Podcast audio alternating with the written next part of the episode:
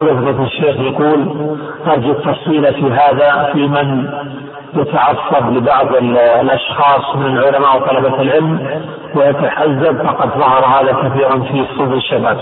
خاصة على كل حال أنا ذكرت شيء من هذا مرة على مناسبة فيما يجب لأهل العلم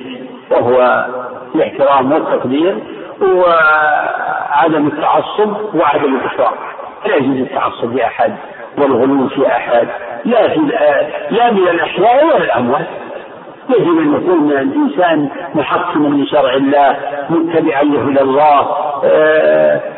منزلا لكل أحد منزلته ناصحا لعباد الله ناصح لعباد الله ينصح لعباد الله يحب لهم الخير ويكره لهم الشر ويعمل على الإصلاح والتسديد والتماس العذر ويدعو للجميع وهذا مقتضى النصيحة لأئمة المسلمين وعامتهم والله أعلم بسم الله الرحمن الرحيم الحمد لله رب العالمين والصلاة والسلام على رسول الله صلى الله على آله وأصحابه أجمعين أما اللهم اغفر لنا ولشيخنا وللحاضرين والمستمعين برحمتك يا أرحم الراحمين أما بعد قال المؤلف رحمه الله تعالى وعن معاوية رضي الله عنه قال قال رسول الله صلى الله عليه وسلم من يرد الله به خيرا يفقهه في الدين متفق عليه الحمد لله حمدا كثيرا طيبا مباركا فيه وصلى الله وسلم وبارك على عبده ورسوله وعلى اله وصحبه ومن اهتدى الله عن معاويه رضي الله عنه قال قال رسول الله صلى الله عليه وسلم من يرد الله به خيرا يفقهه في الدين هذا الحديث من جوامع الكلمه وقد تضمن تضمن الإشارة لمن فقه في دين الله لأن الله قد أراد به خيرا والدين دين الإسلام الشامل لكل لكل ما تضمنه من الاعتقادات والأعمال أعمال القلوب وأعمال الجوارح الظاهرة والباطنة اسم الدين شامل يشهد علي بن جبريل رضي الله عنه إن فإن فإنه سأل النبي صلى الله عليه وسلم عن الإسلام والإيمان والإحسان فأجابه ثم قال هذا جبريل أتاكم يعلمكم دينكم يشمل الفرائض والنوافل والأخلاق كنا جاء به الرسول عليه الصلاة والسلام من العلوم والأعمال هو الذي أرسل رسوله بالهدى ودين الحق العلم النافع والعمل الصالح إذا يعني الفقه المذكور في هذا الحديث ليس هو الفقه الاصطلاح الذي يراد به معرفة أحكام أفعال المكلفين بما يشمله من أنواع الأحكام التي منها ما هو يعني ثابت في الكتاب والسنة منها ما هو مجمع عليه ومنها ما هو مختلف فيه ومنها ومنها ومنها ما هو مرجوح ومنها ما هو راجح الفقه هذا اللي معروف علم قائم بنفسه لا المراد بالفقه هنا معناه الأعم الأوسع وأصل معنى هذا الكلمة الفهم فهم وجاء في حديث أبي موسى المعروف الثالث في الصحيحين مثل ما قال عليه الصلاة والسلام مثل ما بعث الله به من الهدى والعلم كمثل غيث أصاب أمر فكانت منها طائفة قبلت الماء فأنبتت الكلى والعشب الكثير وكان منها أجادب أمسكت الماء فنفع الله بها الناس فسقوا وزرعوا شربوا وكان منها طائفة إنما هي قيعان لا تمسك ماء ولا تنبت كلأ فذلك مثل من فقه في دين الله هذا هو المشبه في الطائفة الأولى والثانية فذلك مثل من فقه في دين الله فقه في دين الله ونفعه ما بعث الله به ونفعه ما بعث الله به من الهدى والعلم ومثل من لم يرفع بذلك رأسا ولم يقبل هدى الله الذي أرسلت به صلى الله عليه وسلم إذا الفقه في هذا الحديث الفقه في الدين وهو وهو الفقه الشرعي هو المراد بها بهذا الحديث في هذا الحديث وغيره يشمل جميع مسائل الدين العلمية الاعتقادية والعملية الظاهرة والباطلة في سموم ويدخل في ذلك معرفة الأدلة أدلة هذه المسائل ومعرفة تفاصيل أمور الدين وليس لهذا الحديث قوله تعالى يؤتي الحكمة من يشاء ومن يؤت الحكمة فقد أوتي خيرا كثيرا وأحسن ما فسرت به الحكمة في هذا الموضع الفقه في الكتاب والسنة الفقه في كتاب الله وسنة رسوله عليه الصلاة والسلام ومن يؤت الحكمة فقد أوتي خيرا كثيرا هذا متفق تماما مع قوله عليه الصلاة والسلام من يريد الله به خيرا يفقهه في الدين الفقه في الدين هو في ذاته خير فمن فقهه الله في دينه فقد أعطاه خيرا كثيرا وأراد به خيرا كثيرا ويتبع ذلك العاقبة الجزاء الثواب فكل من الفقه في الدين والعلم به وكذلك العمل به حين لا يكون فقيها في دين الله من لم يعمل به إنما يخشى الله من عباده العلماء ان الفقه في الدين يشمل العلم والعمل لأن من أوتي علما ولم يعمل به لم يرد الله به أقول الخير يشمل نفس الفقه هو خير وكذلك آثار هذا الفقه وهو الجزاء من مغفرة الله ورحمته وكرامته ورضاه وذلك فضل الله يؤتيه من يشاء قال تعالى في شأن من آتاه الله ذلك الخير وذلك العلم وآخرين منهم لما يلحقوا به وهو العزيز الحكيم ذلك فضل الله يؤتيه من يشاء الإيمان والعلم والعمل الصالح ذلك فضل الله يؤتيه من يشاء والله ذو الفضل وقال تعالى سابقوا إلى مغفرة من ربكم وجنة عرضها كعرض السماء والأرض أعدت للذين آمنوا بالله ورسوله ذلك فضل الله يؤتيه من يشاء والله ذو الفضل العظيم هذا الفضل العظيم هو الخير الكثير هو الخير الكثير أما قوله من يريد الله هذه الإرادة هذه الإرادة الأشبه عندي إنها الإرادة الكونية الإرادة الكونية كما تعلمون أن الإرادة من الله نوعا إرادة كونية وإرادة شرعية فيجتمعان في الواقع مما يحبه الله كإيمان المؤمن تنفرد الإرادة الكونية فيما وقع مما يبغضه الله ككفر الكافر تنفرد الإرادة الشرعية في ما لم يقع مما يحبه الله كإيمان الكافر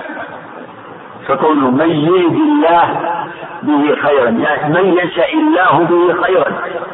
قال تعالى فمن يرد الله أن يهديه يشرح صدره للإسلام ومن يرد أن يذله يجعل صدره ضيقا حرجا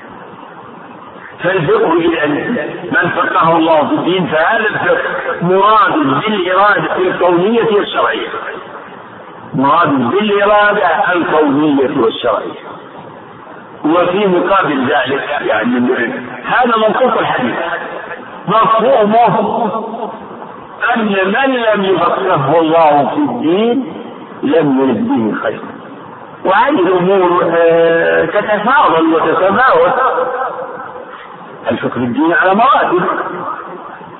وأصل إرادة الله بعبده خيرا أن يوفقه للإسلام هذا هو الأصل فكل مسلم فله حظ لكن من فقر في دين الله فقد أراد الله به خيرا عظيما وخيرا كثيرا كما في الآية ومن يؤتى الحكمة فقد أوتي خيرا كثيرا فأفضل العلم العلم بالله أسمائه وصفاته والعلم بشرعه وأقبح الجهل الجهل بالله سبحانه وتعالى إذا الفقه في هذا الحديث يشمل العلم بأسماء الله وصفاته وبالأحكام الشرعية الأوامر والنواهي والعلم بسائر مسائل الاعتقاد ولهذا سمى أبو حنيفة رضي الله عنه ورحمه ما جمعه من مسائل الاعتقاد سماه الفقه الأكبر في مقابل الفقه فقه الأحكام أحكام الأعمال أحكام أفعال المكلفين هذا هو الفقه فالفقه في الشرع شامل لا يختص بأحكام الأفعال من العبادات والمعاملات وهذا فيه حتى يبالغ على التفقه في دين الله فالتفقه في دين الله هو خير وسبيل إلى الخير التفقه في دين الله يعرف يعني الفقه في في دين الله يشمل يعني تحصل به معرفة الله يعرف الإنسان ربه ويعرف الطريق الموصل إليه ويعرف ما يؤول إليه أمر الخلق وما يدعون إليه ما عند الله العاملين من توابع أو ولهذا يتبين ما في هذه الجملة من معنى عظيم من يريد الله به خيرا يفقهه في الدين ولا بد أن يكون الفقه الدين يعني لا يكون بال بالوحي ذاك الأنبياء يكون بأسباب الأسباب كثيرة ثم من يعني صح قصده وطلبه للعلم طلبه للفقه للدين وطلبه لمعرفة دين الله الذي بعث الله به نبيه فالله تعالى يهديه ويمده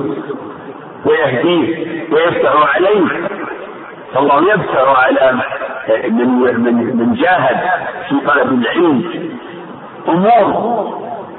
لا تحصل لغير المجاهد والذين جاهدوا فينا لنهدينهم سبلنا وإن الله لمع المحسنين وفي الحديث ومن سلك طريقا يلتمس فيه علما سهل الله له به طريقا إلى الجنة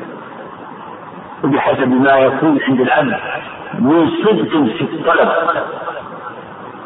واجتهاد ورغبة وتوجه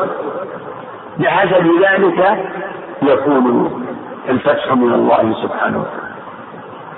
ومن أعظم ذلك أن يدعو الإنسان ربه مع الاجتهاد يجتهد في التفقه في دين الله ويستمد من ربه المدد والعون والهداية نعم وعن ابي هريره رضي الله عنه قال قال رسول الله صلى الله عليه وسلم المؤمن القوي خير واحب الى الله من المؤمن الضعيف وفي كل خير احرص على ما ينفعك واستعن بالله ولا تعجل وإن أصابك شيء فلا تقل لو أني فعلت كذا وكذا ولكن قل قدر الله والله اسم اسم موقع نعم ولكن قل قدر الله يعني هذا قدر الله وما تابع نعم الله ولكن قل قدر الله وما شاء فعل فإن لو تفتح عمل الشيطان رواه مسلم هذا الحديث كما قال الشيخ عبد الرحمن السعدي في شرحه وانا أوصى أن آه، تقتلوا شرح هذه المجموعة من الأحاديث كتاب الشيخ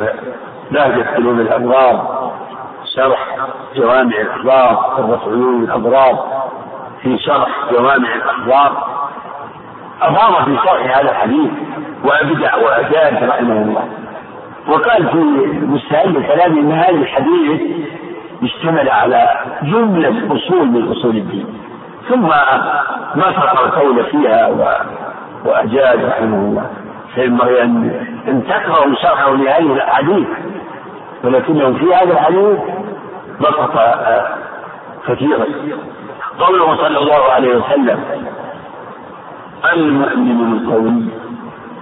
خير واحب الى الله من المؤمن الضعيف وفي كل خير القوه والضعف ليس المراد بها قوه القوه الحسيه قوه البدن ما هي القوه قوه الايمان قوه الايمان قوه الايمان وقوه الايمان تثمر الاعمال الصالحه وتحصيل العلم في القوة في تحصيل العلم وفي القيام بالأعمال الصالحة وفي المقابل المؤمن الضعيف ضعيف الإيمان ضعف الإيمان يكون بضعف بنقص العلم وبنقص العمل فيشمل يعني يشمل المتصل ويشمل الظالم وفي كل الخير كل المؤمنين فيهم خير لأن الإيمان لأن الإيمان نفسه خير وكل عمل صالح فهو خير ولكن المؤمنين يتفاضلون في هذا الإيمان ويتفاضلون في ذلك الخير المؤمن القوي خير أحب إلى الله من المؤمن الضعيف وفي كل الخير قال الله تعالى لا يستوي منكم من أنفق من قبل الفتح وقاتل أولئك أعظم درجة من الذين أنفقوا من بعد وقاتلوا وكلا وعد الله الحسنى وكلا وعد الله الحسنى الكل موعود بالثواب وبالخير لكن مع مع الثالث الصحابة يشتركون في في فضل الصحبة لكنهم ليسوا فيها على مرتبة واحدة وهكذا جميع شؤون الإسلام الناس فيها على مراتب فالمقامات ثلاثة مقام الإيمان مقام الإسلام ومقام الإيمان ومقام الإحسان هذه المراتب بعضها فوق بعض المؤمن القوي خير واحب الى الله من المؤمن الضعيف وفي كل خير ومن ثمرات الايمان محبه الله فالله يحب المؤمنين ولكن حظ المؤمن القوي من ذلك اعظم فالمؤمن القوي احب الى الله ثم كل اهل مرتبه هم متفاضلون فالاولياء اولياء الله ليس على مرتبة الأنبياء والرسل متفاضلون أيضا في أنفسهم الأنبياء ولقد فضلنا بعض النبيين على بعض فكل من كان أكمل في في العلم والدين والتوحيد و والقيام بما أوجب الله كان أحب إليه وهذا يقتضي أن أحب الخلق إلى الله هو الرسول صلى الله عليه وسلم ثم إبراهيم وهما الخليلان اتخذ الله إبراهيم خليلا واتخذ محمدا خليلا كما اتخذ إبراهيم خليلا وفي الحديث إثبات المحبة لله وأن تتفاضل هذا ظاهر والنصوص الدالة على إثبات المحبة لله كثيرة في القرآن إن الله يحب المتقين إن الله يحب المتقين إن الله يحب التوابين إن ويحب ال... الله يحب التوابين ويحب المتطهرين واقسطوا ان الله يحب المقسطين فهي وهذا ما عليها اهل السنه والجماعه يثبتون المحبه لله بعد في التمثيل خلافا للمبتدعه الذين ينفون الصفات ومن ذلك المحبه فيقولون الجميع يقولون ان الله لا يحب ولا يحب ثم الذين ينفون المحبه عن الله يتأولون إما بالإرادة أو يتأولون بأشياء مخلوقة وهذا من تحريف الكلم عن مواضع فيجمعون بين التعطيل والتحريف والحق أنه تعالى يحب من شاء قل إن كنتم تحبون الله فاتبعوني يحببكم الله فلمحبة الله سبب وهو اتباع الرسول صلى الله عليه وسلم يعني الذي يشمل الايمان بالله والعمل بطاعته فاتبعوني يحببكم الله ويغفر لكم ذنوبكم فسوف ياتي الله بقوم يحبهم ويحبونه اما القوه البدنيه فهي منه من جملة النعم التي يبتلى بها الإنسان، إن استعملها في طاعته في طاعة الله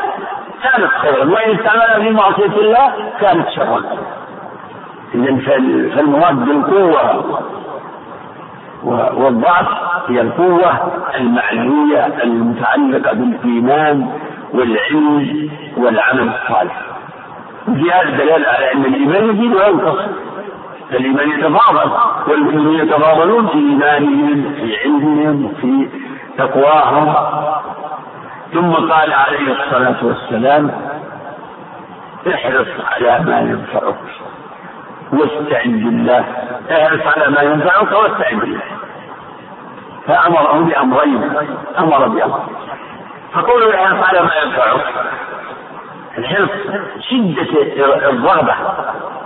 على ما ينفعه وهذا هو موجب العقل والشرع وهذا بالنافع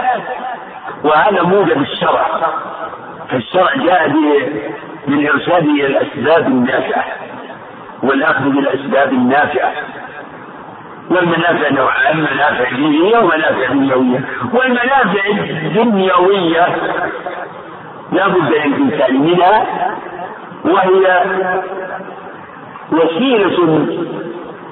إلى القيام بالمنافع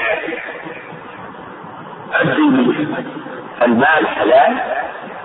وسيلة إلى كثير من الأعمال الصالحة يعني هذه المنافع الدنيوية هي نعم إن استعملت في طاعة الله كانت نعما تامة وإلا كانت خسارة أو ضررا فلا تعجبك أموالهم ولا أولادهم إنما يريد الله أن يعذبهم بها في الحياة الدنيا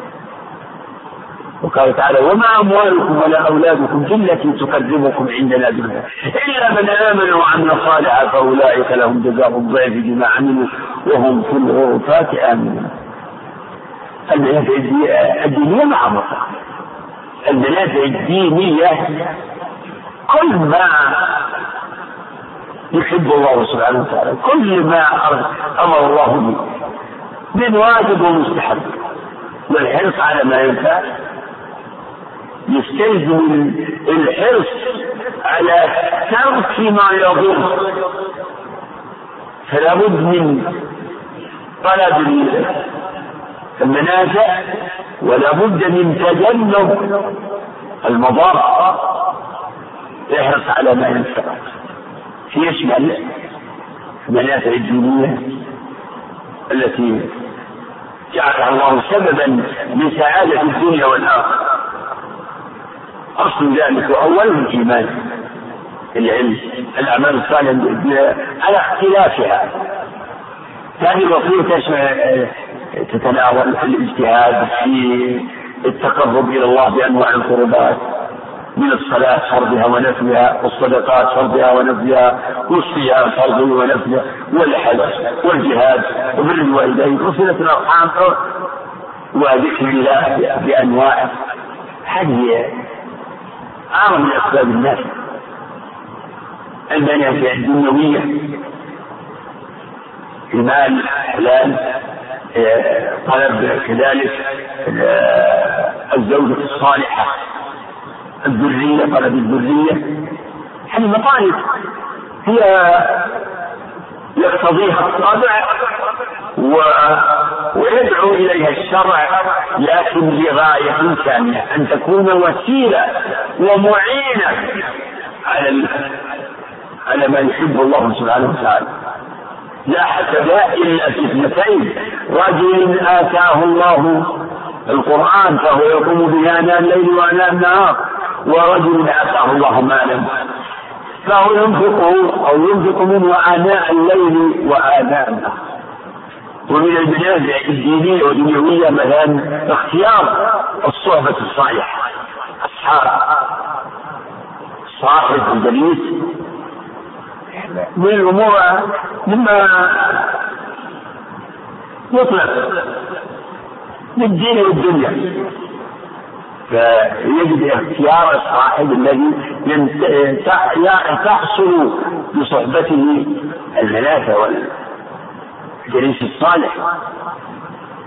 فالمقصود ان قوله عليه الصلاه والسلام احرص على ما ينفعه كلمه جامعه يدخل فيها كل ما ينفع من امر الدين والدنيا ومفهوم هذا البعد عما يضر أو ما لا ينفع فمن النقص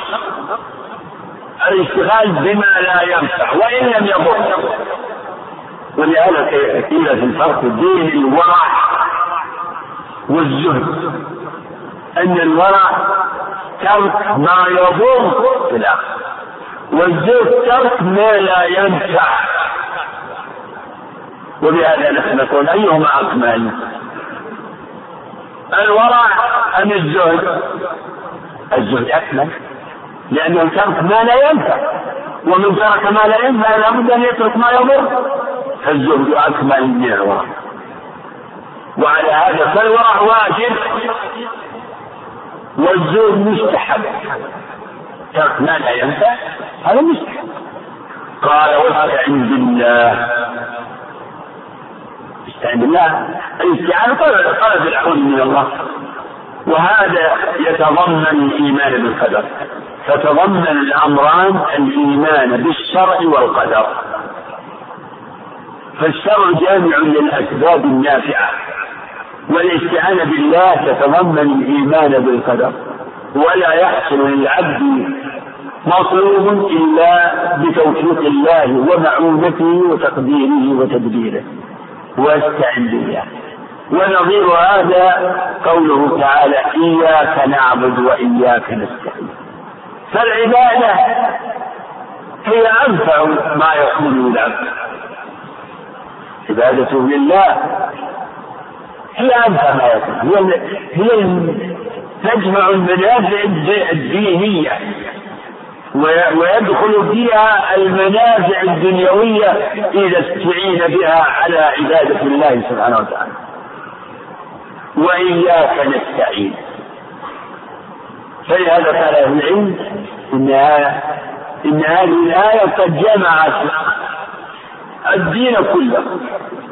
فالدين كله داخل في مفهوم العبادة والاستعانة إياك نعبد وإياك نستعين وكثير ما يقدر الله بين هذين الأمرين بين الإيمان بين ما يتضمن الإيمان بالشرع ويتضمن الإيمان بالقدر فاعبده وتوكل عليه ومن يتق الله يجعل له مخرجا ويرزقه من حيث لا يحتسب ومن يتوكل على الله ومن يتوكل على الله فهو حسبه فجمع بين التقوى والتوكل والعباده والتوكل والعباده والاستعانه وهكذا هاتان الوصيتان في هذا الحديث احرص إيه، على ما ينفعك واستعن بالله فضمن الاصلين الايمان بالشرع والايمان بالقدر فلا يعتمد العبد على على نفسه وعلى سببه ولما الشيخ عبد الرحمن السادي اخذ من هذه من الجمع بين هاتين الوصيتين الى ان الوصول الى المطالب يحصل بالحرص أولا الصدق الرغبة ويعرف ويحصل ذلك بالفعل بالجد في فعل الأسباب الموصلة إلى المطلوب والثالث الاستعاذة بالله واستمداد فضله وعطائه فإذا توفرت هذه الأمور في استغرابة وفعل السبب والتوكل على الله والاستعانة به فإنه لا بد من توفيقه سبحانه وتعالى أن يحصل والذين جاهدوا فينا لنهدينهم سبلنا وإن الله لمع المحسنين قال ولا تعجل وهذا في مقابل الأمرين على ما ينفعك واستعن بالله ولا تعجل العجل في مثل هذا السياق مراد به ضعف الإرادة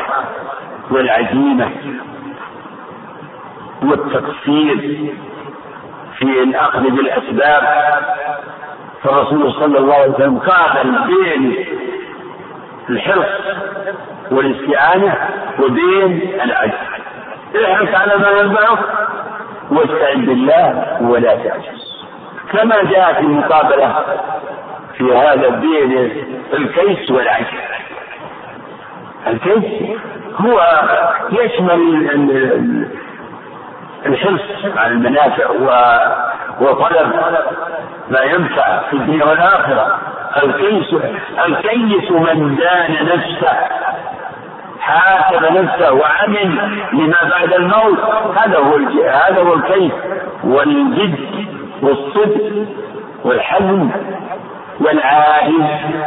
من أتبع نفسه هواه فلم يطلب ما ينفعه في الآخرة بل عجز من أتبع نفسه هواه فالعجز يكون بضعف الإرادة والرغبة وهو ضد الحرص وبتعطيل وترك الأسباب وحقيق بمن هذه الحالة ألا يظهر بالمطلوب فالبول والظفر إنما يكون لذوي الأزمات والمجاهدات والعزمات احرص على ما ينفعك واستعن بالله ولا تعجز ثم لما كان الإنسان إذا طلب الشيء قد ينفر به وقد يكون كما يقال صلاة الفرق الأمر لله لكن الإنسان إذا طلب واجتهد وجاهد الحمد لله فعل ما إن استطاع قال لو وخين أصابك شيء يعني من فوق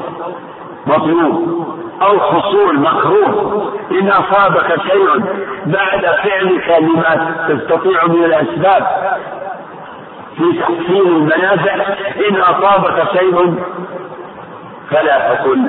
لو أني فعلت كذا لكان كذا وكذا ولكن قل قدر الله وما شاء فعل يعني قل هذا قدر الشرع وهذا يتضمن الصبر والتسليم لقدر الله والرضا عن الله هذا قدر الله والله تعالى فعال لما يريد وما شاء فعل الله يفعل ما يشاء وما والعبد لا يملك الا الا فعل الاسباب العبد من جانبه فعل السبب اما حصول المطلوب فذلك الى الله فاتقوا الله ما استطعتم وان اصابك شيء شيء هو خلاف ما تقيمه تؤمن من فوت منفعة أو حصول مضرة فكلاهما مصيبة فلا تقل لو أني فعلت كذا لكان كذا وكذا وهذه المقولة تتضمن القول على الله بغير علم رجما بالغيب وما يدريك أنك لو فعلت ذلك السبب حصل مطلوبك هذا كذب باطل رجل بالغيب لو اني فعلت كذا لكان على جنب ويتضمن من الفساد الاعتماد على السبب والاعتماد على السبب شرك فهذه المقولة تتضمن أن الأسباب يعني حتمية التأثير نقول لو أني فعلت كذا لكان كذا ونظير هذا ما جاء في القرآن للذين عن الذين ذمهم الله بنحو هذه المقالات ولا تكونوا فهي من الكفار ولا تكونوا كالذين كفروا وقالوا لإخوانهم إذا ضربوا في الأرض أو كانوا غزا لو كانوا عندنا ما ماتوا وما قتلوا ليجعل الله ذلك حسرة في قلبه وما يدري الموت يصيب المسافر والغازي والمقيم هذا باطل لو كان عندنا ما ماتوا وما قتلوا الذين قالوا لاخوانهم وقعدوا لو اطاعونا ما قتلوا قد يقتل الانسان وما قتلوا ومن كتب عليه القتل لابد أن يخرج قل لو كنتم في بيوتكم لبرز الذين كتب عليهم القتل إلى مضاجعهم فإذا فعل الإنسان لأسباب المتاحة المشروعة ثم لم يحصل له المطلوب فلا يجزع ولا يتحسر بل عليه أن يفوض الأمر إلى الله ويستشهد ويستعرض الإيمان بالقدر ويسلم أمره إلى الله هذا قدر الله قدر الله وما شاء فعل فإن لو تفتح عمل الشيطان لو لو كان وعلى أكثر ما يكون في مطالب الدنيا والتحصل على ما فات منها فالمذموم الله تعالى قال ما أصاب من مصيبة في الأرض ولا في أنفسكم إلا ما يعني، إلا في كلام من قبل أن نبرأها إن ذلك على الله يسير لكي لا تأسوا على ما فاتكم ولا تفرحوا بما آتاكم والله لا يحب كل مختار أما التأسف على ما يفوت من من خير الآخرة من أمور الدين فذلك من يعني محمود إذا فات إنسان نتيجة التفريق أو أو غيره أو لم يفرط إذا فاته أمر فأسف لذلك هذا مما يدل على كمال رغبته في الخير فالله أدنى على الذين قال فيهم ولا على الذين إذا ما أتوك لتحملهم قلت لا أجد ما أحملكم عليه تولوا وأعينهم تفيض من الدمع حزنا ألا يجدوا ما ينفقون فلولا التي هي من عمل الشيطان هي لا تتضمن التحسر على شيء من منافع الدنيا وتتضمن كما قلت الاعتماد على الأسباب والغفلة عن قدر الله سبحانه وتعالى فالإيمان بالقدر يتضمن يكتب الصبر والتسليم والرضا بحكم الله فلا يقول المسلم إذا فاته مذنوب لو فعلت لكان كذا فتضمن هذا الحديث تقرير الايمان بالشرع والايمان بالقدر وان الايمان بالقدر لا ينافي فعل الاسباب فهذان اصلان الشرع يقتضي فعل الاسباب الشرع والعقل يقتضيان فعل الاسباب فتعطيل الأسباب قدح في الشرع مخالف للشرع ففعل الأسباب منها ما هو واجب ومنها ما هو مستحب ومنها ما هو مباح والاعتماد على الأسباب شرك التوحيد وغفلة عن عن الله وغفلة عن الإيمان بالقدر فينبغي المسلم أن يجمع بين الايمان بالقدر المقتضي للتوكل على الله والاستعانة بالله والإيمان بالشرع المقتضي للأخذ بالأسباب وهذا ما تضمنه قوله عليه الصلاة والسلام احرص على ما ينفعك كما تقدم احرص على ما ينفعك واستعن بالله وحقيقة هذا وجب بين العبادة والاستعانة كما في الآية إياك نعبد وإياك نستعين والناس في هذا المقام أنواع منهم من يعبده منهم من يعبده ويستعين به وهم أهل الهدى والرشاد ومنهم من يعبده ولا يستعين به ومنهم من يستعين به ولا يعبده وشر الأقسام من لا يعبد الله ولا يستعين بالله نعم وعن ابي موسى الاشعري رضي الله عنه قال قال رسول الله صلى الله عليه وسلم المؤمن للمؤمن كالبنيان يعني يشد بعضه بعضا وشبك صلى الله عليه وسلم بين اصابعه متفق عليه هذا الحديث فيه يخبر الرسول عليه الصلاة والسلام بما بين المؤمنين من ارتباط وتكامل في القيام بأمر الله والقيام بمصالحهم المؤمن للمؤمن المؤمن لأخيه المؤمن المؤمن مع أخيه المؤمن ما مثلهم مثل البنيان فهذا تشبيه المؤمن بالمؤمن كالبنيان يعني. شبه المؤمنين بعضهم مع بعض بالبنيان يعني إما أن يراد بالبنيان مثل البيت كما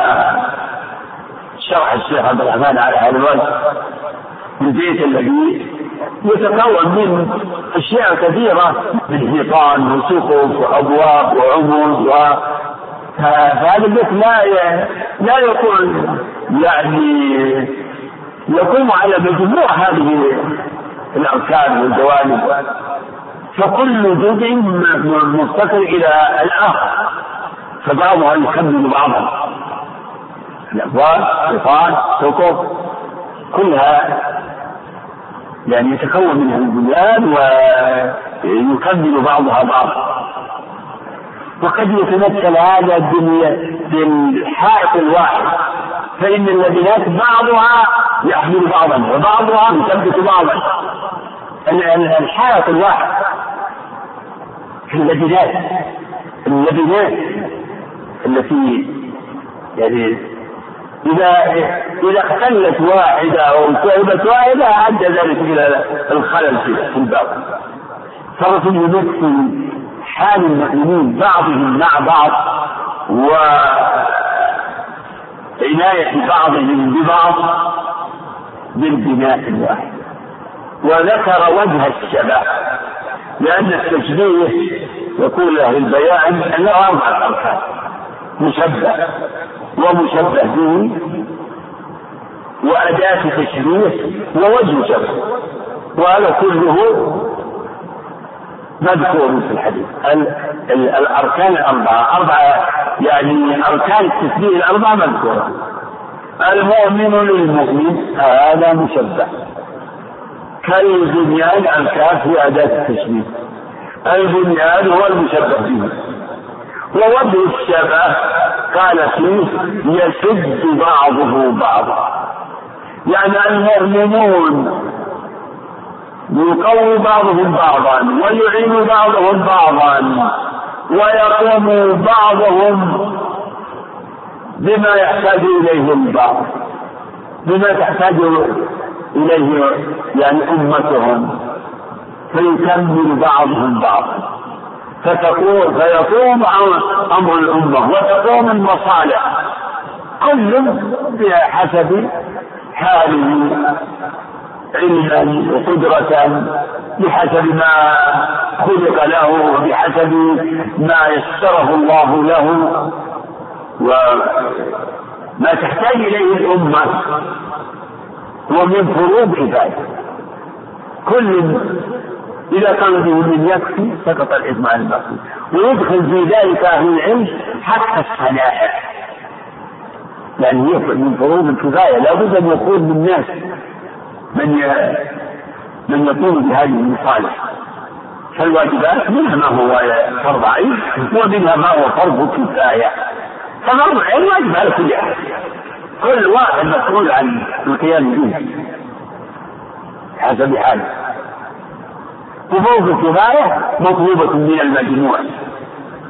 فإذا قام بها من يكفي إذا قام ببعضها من يكفي سقط الإثم عن الباقي وفي هذا التفسير وفي هذا الخبر في ضمنه أمر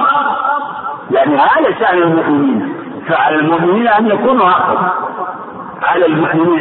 الإيمان يقتضي أن يكونوا متراصين متانفين متعاونين يفصل ذلك قوله تعالى وتعاونوا على البر والتقوى ولا تعاونوا على الإثم والعدوان يفصل قول الدين النصيحة إلى قوله ولأئمة المسلمين وعامتهم هذا الحديث الذي نحن بصدده يعني من كذلك ومن جوامع الكلم كيف تجي كل ما ينبغي للمؤمنين أن يقوموا به كل بحسبه وكل بحسب ما ما يناسب حاله ويناسب حال الأمة يشد بعضهم بعضا في تكامل كالأسرة الواحدة كل يقوم بدور كل يقوم بشأن المؤمن للمؤمن كالبنيان يشد بعضهم بعضا ثم شبك النبي صلى الله عليه وسلم أصابعه وعلم الأصابع إلى إذا شبك الإنسان أصابعه يعني حصل بذلك شد إحدى اليدين بالأخرى أو كل من اليدين بالأخرى فبهذا التداخل وبهذا يعني الانضمام الأصابع ورص بعضها لبعض تحصل القوة وشد كل من اليدين إحدى اليدين للأخرى كذلك البنيان كذلك ينبغي أن يكون المؤمنون متراصون متعاونين والعلم مما أيضا يتصل بمعنى هذا الحديث قوله عليه الصلاة والسلام مثل المؤمنين في توادهم وتراحمهم وتعاطفهم كالجسد الواحد إذا اشتكى منه عمر إذا علم سائر بحجة السماء والسماء ومما يبينه قوله سبحانه والمؤمنون والمؤمنات بعضهم أولياء بعض يأمرون بالمعروف وينهون عن المنكر ينقذون فبين المؤمنين ولاء وحب يقتضي منهم التعاون على مصالحهم العامة والخاصة وكذلك قوله تعالى واعتصموا بحبل الله جميعا ولا تفرقوا اعتصموا بحبل الله جميعا الاجتماع على الحق التعاون على البر والتقوى كثير من المصالح لا تتحقق الا بالاجتماع وبالتعاون لا يستطيع الفرد ان يقوم بها فالايمان هو مقدر هذا الخير العظيم هو أساس الإيمان المؤمن للمؤمن وهذا فيه لفتة إلى الرابطة الخاصة بين المؤمنين وهي الأخوة الإيمانية إنما المؤمنون إخوة الرابطة التي تستوجب التعظيم والتي جاء تعظيمها والتنويه بها والتوجيه إليها والأمر بها هي رابطة الإيمان وقوة الإيمان لا رابطة في الوطن لكن يمكن أن تكون رابطة في الوطن تندمج لأن الإيمان آه، مما يأمر به يأمر بالإحسان وعام يأمر بالإحسان إلى آه، الجار فليس آه، الوطن هو الرابطة التي تستوجب الألفة والمحبة إلا الأمور الطبيعية شيء آخر لكن الشأن في مقتضى الإيمان في تحقيق ما يحبه الله سبحانه وتعالى المؤمن للمؤمن إنما المؤمنون إخوة والمؤمنون والمؤمنات بعضهم أولياء بعض فلا يجوز للإنسان أن يحب كل من سمى مواطن يجوز الإنسان يحب كل من كان من وطنه يعني يجب هو ما يغلبه الله من قريب وبعيد ممن يكون من من من اقرب الناس اليه لا تجد قوم يؤمنون بالله واليوم الاخر يوافقون من حاد الله ورسوله ولو كانوا اباءهم او ابناءهم او اخوانهم او اشعرهم قل إن كان آباؤكم وأبناؤكم اذا قول أحب إليكم من الله ورسوله وجهاد في سبيله فبين المؤمنين من الحقوق ما ليس بينه بينهم وبين غيره المقصود ان في هذا الخلق وفي هذا التشبيه البديع كالبنيان يشد بعضه بعضا لتماسك البنيان كذلك هكذا ينبغي أن يكون المؤمنون متماسكين فيما بينهم متعاونين على مصالحهم عامة خاصة وأعظم ذلك مصالح الدين ومنافع الدين ومن ومما يحقق ذلك الأمر بالمعروف والنهي عن المنكر كما خصه الله في آيات ولتكن منكم إنكم يدعون إلى الخير ويأمرون بالمعروف وينهون عن المنكر هذا هذه الآية جاءت بعد قوله واعتصموا بالله بحبل الله جميعا ولا تفرقوا حسرة في فضيلة الشيخ يقول إن كانت القسمة العقلية تقتضي أمرا فهل يجوز ذكره لو أم لا؟ يوضح ما إن كانت القسمة العقلية إيش؟ تقتضي أمرا فهل يجوز أن أذكره لو يعني يمكن في الأسباب التي يعلم أنها حتمية المحظور هنا إن مثلا حصول الولد لا يكون إلا إلا بنكاح فالنكاح ليس سببا حتميا في حصول الولد لكن ترى السبب حتمي في سبب حتمي في عدم الولد فضيلة الشيخ يقول نعم يقول ما حكم هذه اللفظة أنا عملت الذي علي والباقي على الله هذا عندي لا بأس في الجملة أنا فارس الذي والباقي على الله أو إلى الله لو جاءت إلى الله فأنا أولى نعم فضيلة الشيخ بعض الناس آه، يفسر قول النبي صلى الله عليه وسلم المؤمن القوي يفسره بالشخص الذي يلعب الرياضة أو يكون عنده مال هذا منكر سبق التركيز والتنبيه على أن القوة في الحديث القوة المعنوية الإيمانية لا القوة الجسدية فالقوة الجسدية وحدها يشارك فيها الإنسان آه، ما هو أقوى منه من الحيوان ولكن قوة البدن إنما يحصل يكون لها فضل باستعمالها في الحق فمن كان قويا واستعمل قوته في الخير في الجهاد في سبيل الله في آه، إعانة آه، يعني آه، إخوانه المسلمين ومعاونتهم على بعض امورهم دينهم ودنياهم كانت خير اما اذا خلت عن ذلك فلا خير فيها فقوه آه،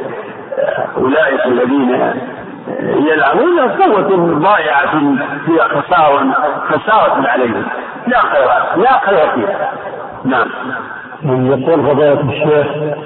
ما حكم الشخص إذا أمر الناس إذا مر على اسم النبي عليه الصلاة والسلام يقول آه، ابغى اسمع صلاه على الحديد او صلوا على رسول الله بالامر هكذا. على علمي لا ينبغي. لا ينبغي ياخذ الترغيب بدون ان تكون عند كل موضع وليس بلازم ان ان تسمع يا متكلم او يا متحدث. لكن يرغب الناس ويبطل لهم آه، انه ينبغي ينبغي الصلاة عليه عند ذكره صلى الله عليه وسلم لكن لا يصح على بين كل يعني أو عموم الناس أن يصلوا ويرفعوا أصواتهم بذلك هذا غلط هذا غلط وجهل من يفعله وقد يكون من من من, من دوافعه آه، الغلو في الرسول صلى الله عليه وسلم لكن على كل حال الصلاة على الرسول من أفضل الدعاء ومن أفضل الأعمال لكن لا يكون تكون الدعوة إليها والأمر بها والإرشاد إليها بهذه الطريقة يعني لأن الناس ثم بعد ذلك آه، كل يعمل بحسب ما يوفق له بحسب ما يسره الله له وليس بلازم أن يرفع صوته بالصلاة على الرسول عليه الصلاة والسلام نعم يقول يوجد في بعض الكتب سب آه، آه، للإمام أبي حنيفة رحمه الله يقول يوجد في بعض الكتب سب آه، للإمام أبي حنيفة رحمه الله ووصل ببعض الإخوان أنه يقول قد لا يكون هذا الرجل أبو حنيفة من أئمة أهل السنة الإمام أبو حنيفة هو أحد الأئمة الأربعة المتبوعين الذي لهم ذكر حسن وإن كان قد نسب إليه وسار عنه أنه يقول بالإرجاء هذا يعني هذا هو أظهر وأشهر الأمور التي يعني لا يوافق عليه لا يوافق عليه وهو قوله بالإرجاء وأن الأعمال ليست من الإيمان هذا هو المأخذ الكبير وأما ما في الكتب فما في الكتب يحتاج إلى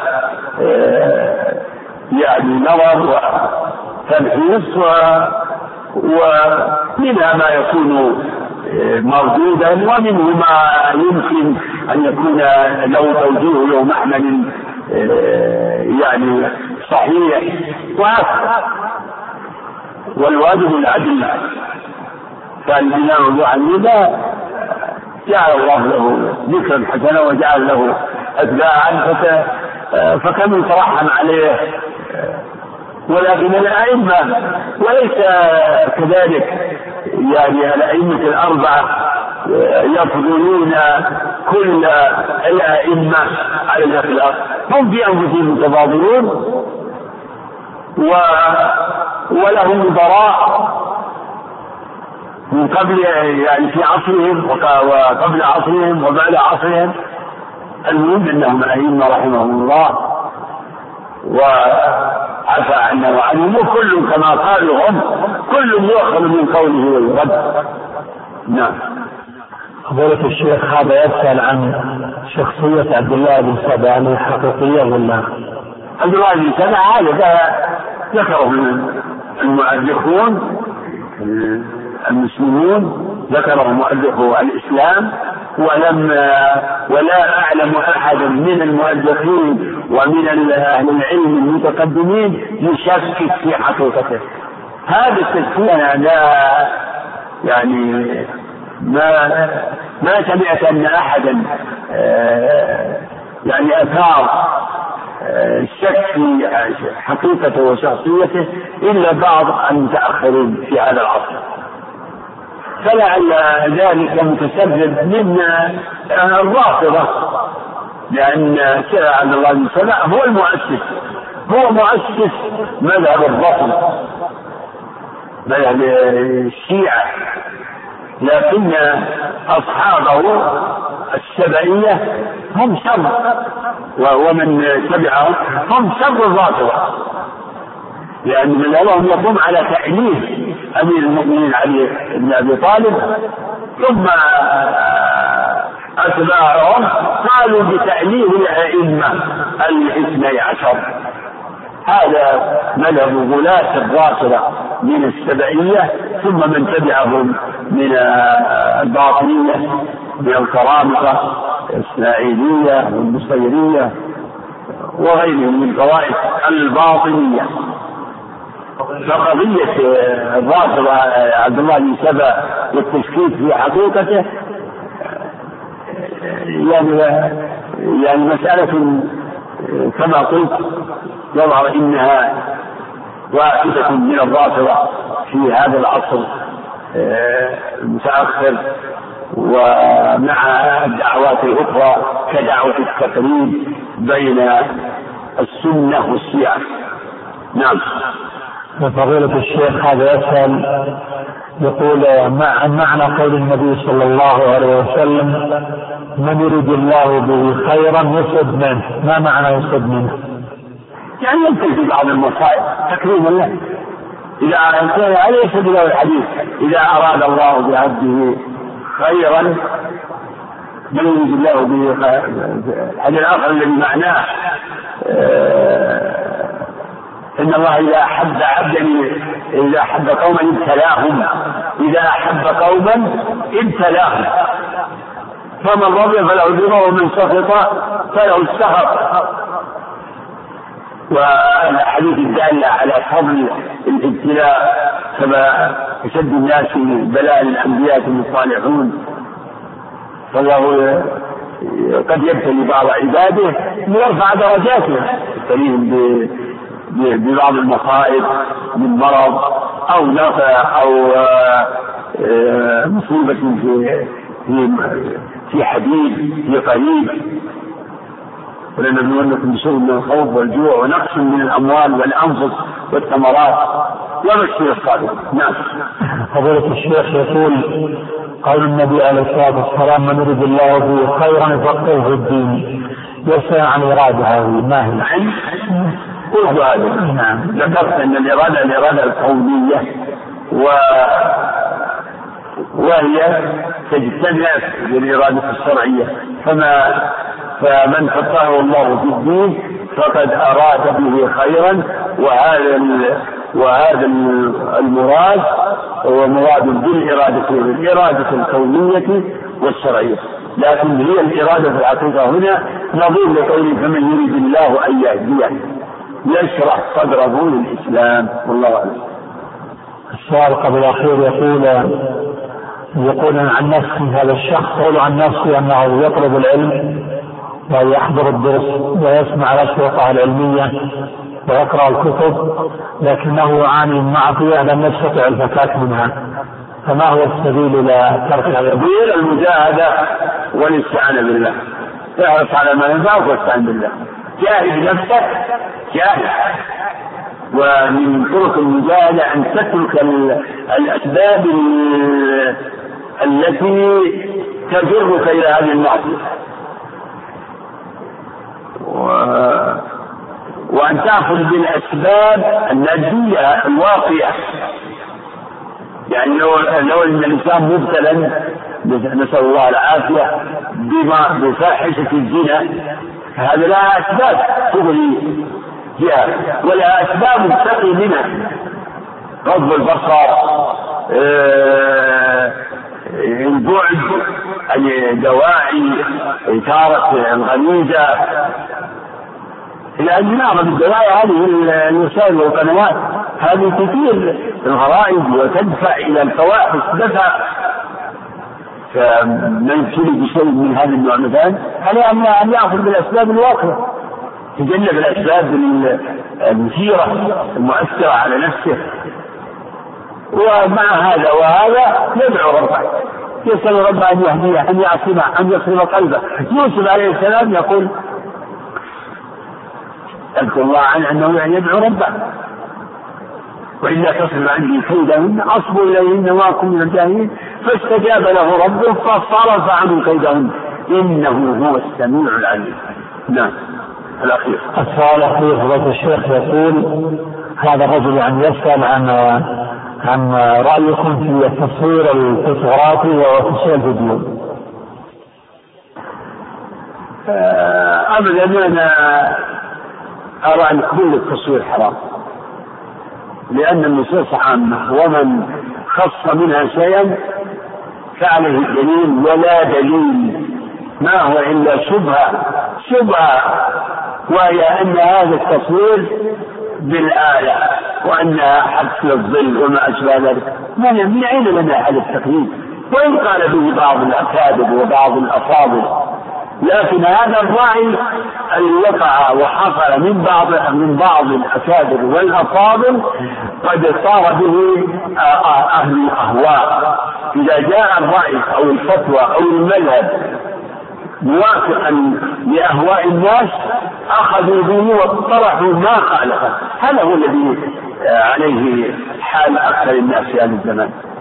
تصوير هو تصوير لغة كل حتى الذين آه، يقولون الجاهل يقولون تصوير هو تصوير ويسمون آه، هذا المرسوم يسمونه الصورة هذه الصورة ومن قال من أهل العلم بجواز التصوير المتواضع أيضا آه، يعني من من الأفاضل كشيخ الشيخ محمد بن عثيمين آه، يقول ما يجوز تعليق الصور ولا يجوز آه، اقتناء الصور واستبقاء للذكرى تبين ان ما هي الا شبهه تصوير في مضاعات أنت الذي ينصب الآلة ليلتقط الصورة هل يريد أن يضاهي يضاهي بخلق الله يعني هذه الصورة المرسومة على الورقة بالآلة هذه مثال للصورة الحقيقية، الصورة التي خلقها الله ولا يدري الإنسان هي الصورة القائمة بالمصور أما الصورة التي على الورقة هذه هذه من عمل الإنسان هي من عمله لكنه بعد أن كان يرسم بيده ويقال جاءت آلة تكفيه المؤمن وكان في الخطوة الأولى أن يصورها تصويرا هيكليا ثم يقوم بما يسمى قديما بالتحميض ثم الآن نفس آه، يعني التصوير الفوتوغرافي أو آه، أو التصوير بأنواعه يتحكم فيه الناس المصورون يتحكمون فيها بالتقديم والتفصيل والتحسين والتقبيح وبالتلوين كما يقولون صورة ملونة والله والله المستعان وإذا اختلف الناس وكانت يعني الشبهات فطريق النجاة الاعتصام بحبل الله بكتاب الله وسنة رسوله فإذا اختلف الناس علينا أن نعتصم بسنة رسول الله صلى الله عليه وسلم وسنة الرسول آه، واضحة صريحة قوية الدلالة في تحريم التصوير حديث لعن الله المصورين إن أشد الناس عذابا يوم القيامة الذين يضاهون بخلق الله من أمر وفي الحديث القدسي ومن أمر من ذهب يخلق كخلقي الحديث والله المستعان السلام عليكم بسم الله الرحمن الرحيم الحمد لله رب العالمين والصلاة والسلام على رسول الله وعلى آله وأصحابه أجمعين اللهم اغفر لنا ولشيخنا وللحاضرين والمستمعين برحمتك يا أرحم الراحمين واعصمنا من الفتن ما ظهر منها وما ما بطن أما بعد قال المؤلف رحمه الله تعالى وعن ابي موسى رضي الله عنه ان النبي صلى الله عليه وسلم ان النبي صلى الله عليه وسلم اذا اتاه سائل او طالب حاجه قال قال الشوز أجر ويقضي الله على لسان رسوله صلى الله عليه وسلم ما شاء متفق عليه الحمد لله صلى الله وسلم وبارك على عبده ورسوله وعلى آله وصحبه ومن اهتدى بهداه في هذا الحديث يذكر أبو موسى الأشعري رضي الله عنه شيء من هدي عليه الصلاة والسلام الذي هو خير خير الهدي فمن هدي أنه عليه الصلاة والسلام أنه إذا جاءه سائل أو طالب حاجة سائل كان سائل مال أو أمر من الأمور يعني ليس سائل علم وقوله أو طالب حاجة يظهر أن أول الشك إذا جاءه سائل أو طالب حاجة ويحتمل أن تكون أو طالب حاجة يعني أهم من السائل قال عليه الصلاة والسلام اشفعوا تؤجروا اشفعوا الشفاعة طلب الخير للغير قول تؤجرها في ترغيب ترغيب في الشفاعة اشفعوا تؤجروا ثم قال عليه الصلاة والسلام ويقضي الله على لسان رسوله صلى الله عليه وسلم ما شاء وقال سبحانه وتعالى من يشفع شفاعة حسنة يكون له نصيب منه ومن يشفع شفاعة سيئة يكون له كفر منه وكان الله على كل شيء مقيت من شفاعة شفاعتين شفاعة حسنة وشفاعة سيئة والتي ندب إليها الرسول صلى الله عليه وسلم هي الشفاعة الحسنة كما قلنا طلب طلب الخير في الشفاعة فيها إحسان وسعي في نفع الغير والله تعالى يحب المحسنين من الإحسان الإحسان إلى الخلق بأنواع الإحسان ومنها الإحسان بالشفاعة الشفاعة الحسنة التي تحقق أمرا مشروعا وتوصل إلى إلى منفعة وتحقيق مصلحة تحقق مصلحة للمشفوع له وهي سبب من اثبات الشفاعه سبب واما حصول المطلوب وحصول الغايه فلم تكون الشفاعه ولا يعتبر في الشفاعه يعني تحقيق الحاجه اما تحقيق المطلوب فذلك الى قضاء الله ولهذا قال عليه الصلاة والسلام ويقضي الله على لسان رسوله ما شاء يصلح المظلوم إن كان واجبا فلا يتوقف على شفاعة ولا يجوز لمن وجب عليه حق أن ألا يبذله إلا بشفاعة يجب على بذله مطلقا لكن الأمر الذي ليس بواجب ولم يتعين على من لديه الحاجة المطلوبة المنشودة هذا محل التوسط هذا بالنسبة للمشفوع عنده يجب عليه أن أن يؤدي الحق ويؤدي الواجب بدون أن ينتظر شفاعة وقد يكون تكون الشفاعة الشافع يكون الشافع يعني دوره أن يعرف بالمشروع له أن يعرف المشروع اللي يعرفه بصاحب الحاجة لأن ذلك مما يعيش مثل التزكية لأن تزكيته تعين على قضاء الحاجة لأن الرسول عليه الصلاة والسلام في قوله اشفع تؤجر ما يعلم يقول أنه ليس في أمر يعني متعين لذلك السائل ولما قال النبي عليه الصلاه والسلام يقسم قسما ويعطي ناس ويعطي من المال الذي عنده بعض الناس بعض الرجال قال أحد الصحابة له سعد بن أبي وقاص يا رسول الله إنك أعطيت فلان وفلان و ولم تعطي هذا إني لأراه مؤمنا قال أو مسلما ولم ولم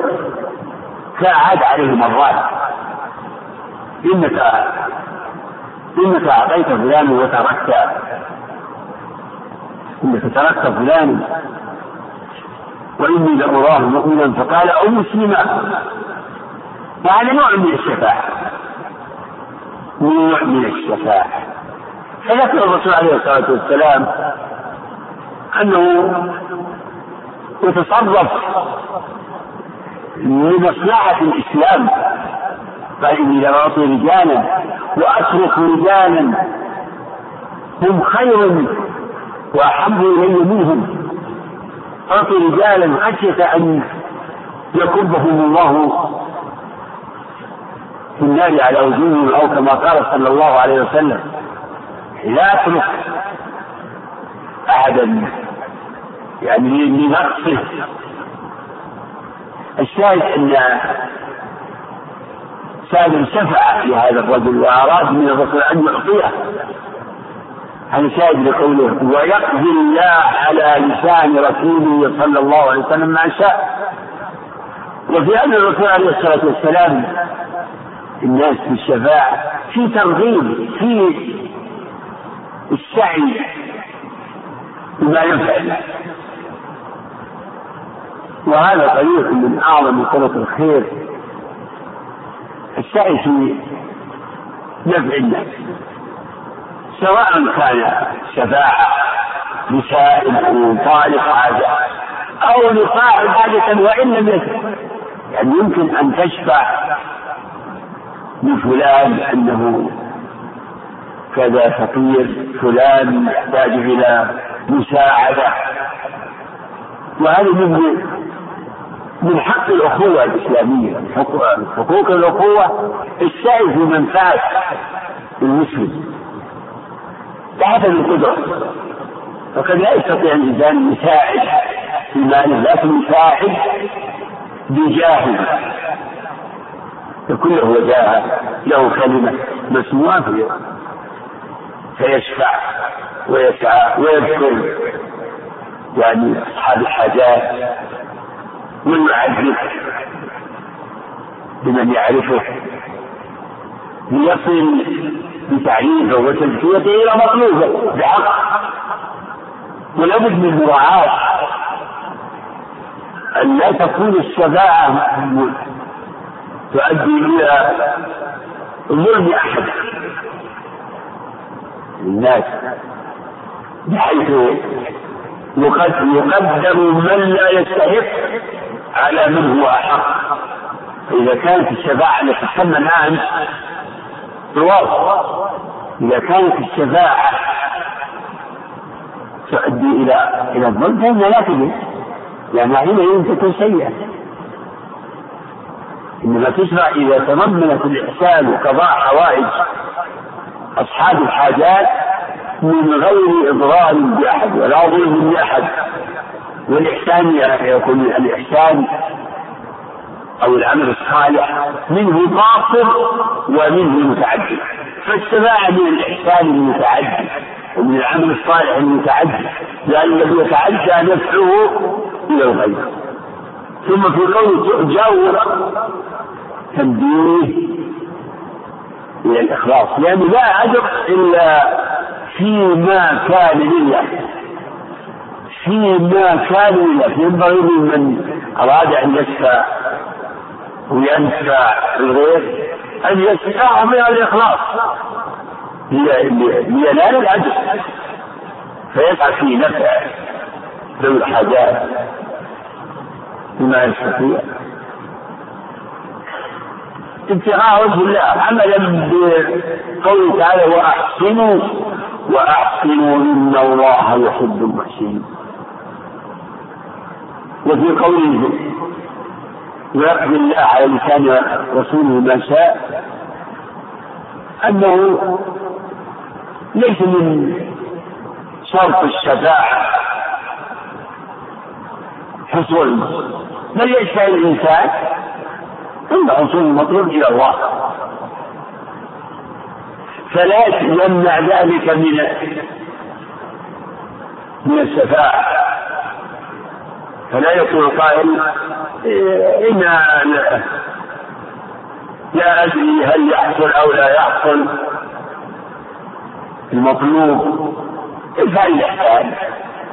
والله تعالى فعال لمن يدري لأن الله يشرح صدر المشروع عنده فيقبل الشفاعة بكل الاثر أثر خصوصا إذا كانت الشفاعة متمحضة لله فإنها أحرى بحصول أحرى بحصول المطلوب وحصول النفع للمشروع للمشروع له وتجد الشفاعة تجد وجود لمن قدر في يعني لتحصيل واجب أو ظلم يجب على من يقدر أن يدفع بنسبة المظلوم يدفع للمظلوم عند الظالم لرفع مظلمته ولدفع مظلمته بشفاعة وطلب الخير فهذا فهذا متعلق من من من من نصرة الظالم من نصرة المظلوم ونصرة الظالم كما في الحديث انصر اخاك ظالما او مظلوما وكذلك الشفاعة في استرداد حق ولتحصيل حق واجب كذلك هذا متعين مع القدرة وذلك من التعاون على البر والتقوى ومن نصرة الضعيف نصرة الضعيف للوصول إلى حقه ولرفع الضرر عنه فينبغي للمسلم إذا كان له منزلة وله قدرة أن يحتسب ذلك وأن يكون آه، بادلا للمعروف محسنا إلى عباد الله لوجه إنما نطعمكم لوجه الله لا نريد منكم جزاء ولا شكرا وحتى في هذه السماء لا تستعمل لتنجح أو ليكون لك معروف على ينبغي المسلم أن أن يتجرد وأن يجرد نيته لوجه الله ليؤبق على مسعاه نعم وعن عائشة رضي الله عنها أن النبي صلى الله عليه وسلم قال أنزل الناس منازلهم رواه أبو داود الله هذا حديث عظيم الشان من بليغ الكلام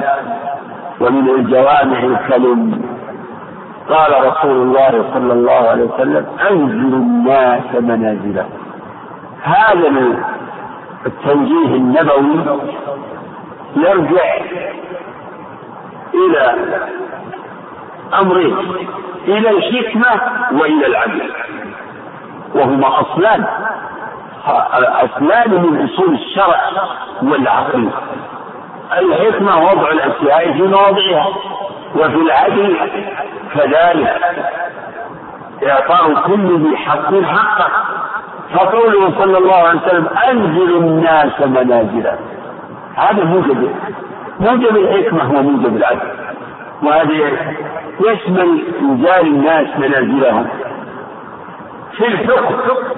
في الحكم عليه وإذا قلت بعد في الحكم عليه فلا يسوى لا يسوى الفاجر بالتقي الصالح لا يسوى الجاهل بالعالم ولهذا اعتمد اهل الحديث في الحكم على الرواة على معنى هذا الحديث فحكموا على الرواة رجال الحديث حكموا عليهم على هذا القصد ميز ميزوا الضعيف عن الثقة ميزوا الحافظ من غير الحافظ العالم من غير العالم ميزوهم وجعلوهم مراتب وفي هذا إنزال لكل من الرواة منزلة جعلوهم مراتب ودرجات فحققوا بذلك في حكمهم على الرواة حققوا بذلك إنزال كل في منزلته التي ينزل عليه وهذا واجب في كل الأمور فالذين فضل الله بعضهم على بعض يجب الإيمان تفاضله اعتقاد أن هذا أفضل من هذا الصحابة نعم فضل مشترك ولكنهم متفاضلون فيجب في الحكم عليهم إنزال كل منزلته